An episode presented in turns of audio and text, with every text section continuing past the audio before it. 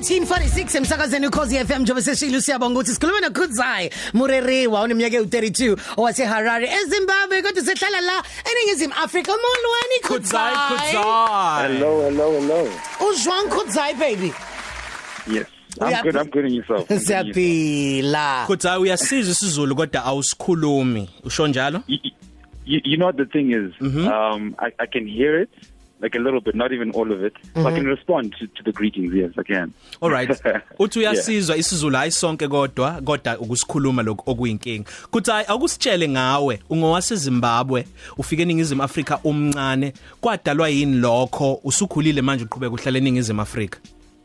Whoa, you kind of lost me a bit there. Okay, so you're originally from Zimbabwe. I understand Yes. that you've been staying in South Africa since you were young. Why Yeah, yeah. why have you been staying in South Africa and why have you chosen to continue living here? oh, okay. Um, I came here when I was five. My dad uh, got a job uh, this side, so we all relocated to South Africa. So basically, I did nursery school, primary school, high school, all of that from this side. So it's basically like home for me. Um, I moved back to Zim for a little bit, for about two, three years, but then came back because obviously all my, basically everything that I am is this side. Um, so yeah, So How is that's how, about it. how has it been so far for you Khudzai Being in South Africa, Yeah oh, it's it's all that I know. it's actually all that I know. I grew up this side, so I had to learn more about Zim because obviously it, my whole life was based here in South Africa. But yeah, no, I've I've, I've experienced it. I feel like everyone else who's, who's lived out here. So if you had to sell the country right now to someone who's never been here of course what would you say South Africa is diverse. Um, South Africa is developing. Um, I mean, I think of you know like when we moved here, how much has changed so much. Um, yeah, all the different cultures, um, the opportunities. There's a lot of those, and there's room for so much growth.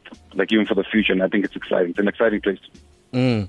Ukutha uchaza ukuthi weza eningizimu Afrika kusukela samncane eneminyaka emhlanu nabazali bakhe uthi mthathu nje iminyaka ayithatha wabuya eZimbabwe kodwa waphindwa wabuya uthi in- iningizimu Afrika yahlukahlukene kunamathuba amaningi uthi wazi kakhulu ngeningizimu Afrika ngoba sekufana nokuthi wala eningizimu Afrika kunokuthi i- iZimbabwe now Kutsai tell us Yes. about um okay so you see yourself more as a South African but now tell us about how South Africans see you and how you have to keep always explaining that you're actually South African even though you were born in Zimbabwe and how this makes you feel Yeah, well, I think my experience because I grew up in in Joburg, the north of Joburg.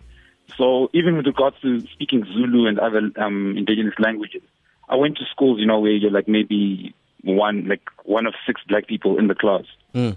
So you'll find that even the Zulu kids themselves, most of the time, are speaking English. So there was never really a time to learn Zulu Mm. through communication. Um, and yeah, because of the space I grew up in, I don't really face a lot of you know what's happening in the country um, with regards to xenophobia. And a lot of people have, have actually don't see me. They don't see the Zimbabwean in me. So not really ask unless they speak to me in Zulu. Then I have to be like, yeah, look. So igama lakho lichaza ukuthini what does your name mean Kudzai means honor. The full name is Kudzai Ishe, which means honor God. oh wow Yeah, that's that's that's the meaning. Yeah, I actually changed to that maybe three years ago because I was using Donald. Donald's my second name. Oh wow So obviously, when I was in primary school, apparently the white kids couldn't say Kudzai. So we went with Donald. But you know, at some point in my life, I decided that you know I wanted, I wanted to bring it back home. kuthi ukutsa igama lakhe lichaza ukuthi hlonipha yazisa uNkulunkulu walishintsha igama lakhe kwaku Donald wakhetha ukusebenzisa igama elithi Kutsai tell us about you do what what what you do man I understand that you're in motivational speaking you're also a model Yeah, part time, part time, part time. Um, I'm actually I'm a booking agent and a road manager. Um, I do that. That's what like my main thing. Uh, the modeling and motivational speaking is more something that I'm passionate about. So I do my spare time. Like last year, I did a um, campaign for Old Mutual. I was in the World Cup advert. Um, yeah, and it's something that I just do simultaneously. with you were in the FIFA World Cup advert the DSTV one. Yeah, Oh, wow. Yeah. Awesome. I don't know if you've seen it when when guys go into the, the house and they all arrive. And I Oh, think I do yes, yes I've seen it. yes yes yes yeah, yeah. If if you watch it again, I'm that guy in the middle. Alright kuthi uyachaza ukuthi eh, umsebenzi wakhe wenzayo uyi booking agent okusho ukuthi eh unakekela ama artist athile sazoza ukuthi ngababalingisi noma abaculi noma obani uyena omxhumanisi phakathi kwabo nalabo abasuke bebaqasha umsebenzi wakhe wokuthi ezinkulumo ezinkulumo ezigqugquzelayo iloko akwenzayo kusuka ngaphakathi nje akuthandayo ngokwenhliziyo So going back to Zimbabwe I know that you said yeah. that you went back to Zimbabwe and lived like for a short while there the huge yeah. culture shock like what, what what was the hugest culture shock that you you you you, you saw when you were there Well the first time I actually went to live out there I was in grade 5 um and actually I was taken to the, I went to a rural school you mm. know and I always tell people like that for me until now is the best year of my life because it opened my eyes to the world you mm. know um I always think about had I not gone there and I just grew up as a North South African kid mm. would I be the same person? Would I be able to relate to different types of people? I don't think so. So the culture shock at that time was I remember because our school was on top of a mountain. And I'm coming from Rampart Primary with just white kids uh and you're one of six black kids right? Yeah. and now next year you're at the school where it's all black. And the closest thing to a white person is an albino. You know some uh, people that are albinos oh, yeah sure, albino sure. yeah. Um so yeah that was that was a culture shock. Uh the fact that I had school uniform and I had people in my class who'd come to class in pajamas yeah. Um you know that kind of setup. And you look around you and you realize that early in the white school you guys would be laughing your asses off right? Mm. but in this situation it was that real. And I think in grade 5 it hit me that quickly. Where I realized like no life is realer beyond my reality. Um, in other words so you'd say South Africa is a better country to live in uh, for an African.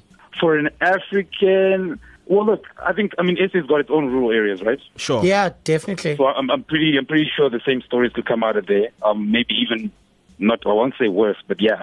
So but in terms of opportunity definitely I haven't been to other countries so I can't really you know rate. But from my experience comparing Zim and South Africa um yeah yeah mm. yeah the opportunities are are here.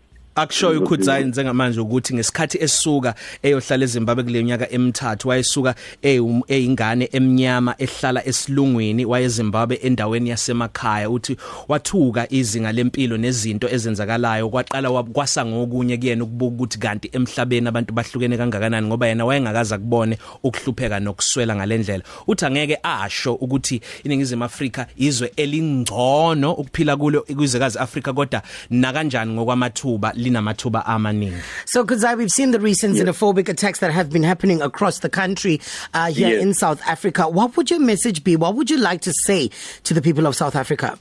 Well I remember when they first happened a couple of years ago um when it was pretty around that time I think I was staying in Midrand. We were staying in Midrand. Mm. and we actually went to visit some of the camps you know where people were put you know for safety reasons. And I remember walking around and just not understanding why this was happening. Um firstly when i look because i always look at you know you know that a lot of this stuff stems from where we're coming from you know especially in south africa as a country mm. from the apartheid era and how that impacted how we're living right now. I mean we're still kind of traumatized from all of that right? And the way i saw it i remember just thinking i was like wait so at some point white people are killing us and now we kill ourselves. They actually just chill and watch us do it you know? That's mm. that's exactly what's happening, and I feel that's what's happening right now. That it's misplaced anger. Mm. Um, and as much as I, as as, as a Zimbabwean, as much as I look at it, you know, this is wrong and whatnot, I also do see the other side of why it's happening.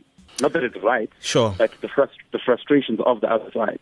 Mm, mm. And I think right now, with where the economy is, you know, people not finding jobs, people get desperate, you know, and the closest, I guess, that they can latch out to is the fellow African brothers and sisters because the other white guy, the white guy who's seen as a foreign, uh, who's seen as a tourist and not a foreigner, he's too far away from them. And I guess the way we've also been conditioned to fear white people, people won't approach white people with the same attitude as they do a black person. Yeah, yeah. Because I thank yeah. you so much for your time, man, and we wish you nothing but the best. I'd like Thank to sit so in one much. of your motivational talks, man. Yeah. Teach me a thing or Oh two. yes, no, no, please, please come through. I'm going to follow you guys on Twitter. I'm already following you on Instagram. I'm in your page right now. oh, hey. yeah, no, we'll, we'll definitely talk um, when I come out to Durban. Yeah, we'll, we'll do that. Thanks we'll a lot, have man. One-on-one motivational ones and start from there. Thanks a lot, man. Been great talking to you. Thank you for having me. Ukhuthai ke loyo uthe umefika eThekwini uzositshela khona sizozothamela izinkulumo zakhe ezakhayo iGlobal Citizen yethu yanamhlanje ukhuthai Morerwa Cafe. Ilunch yakho ayifani neyizolo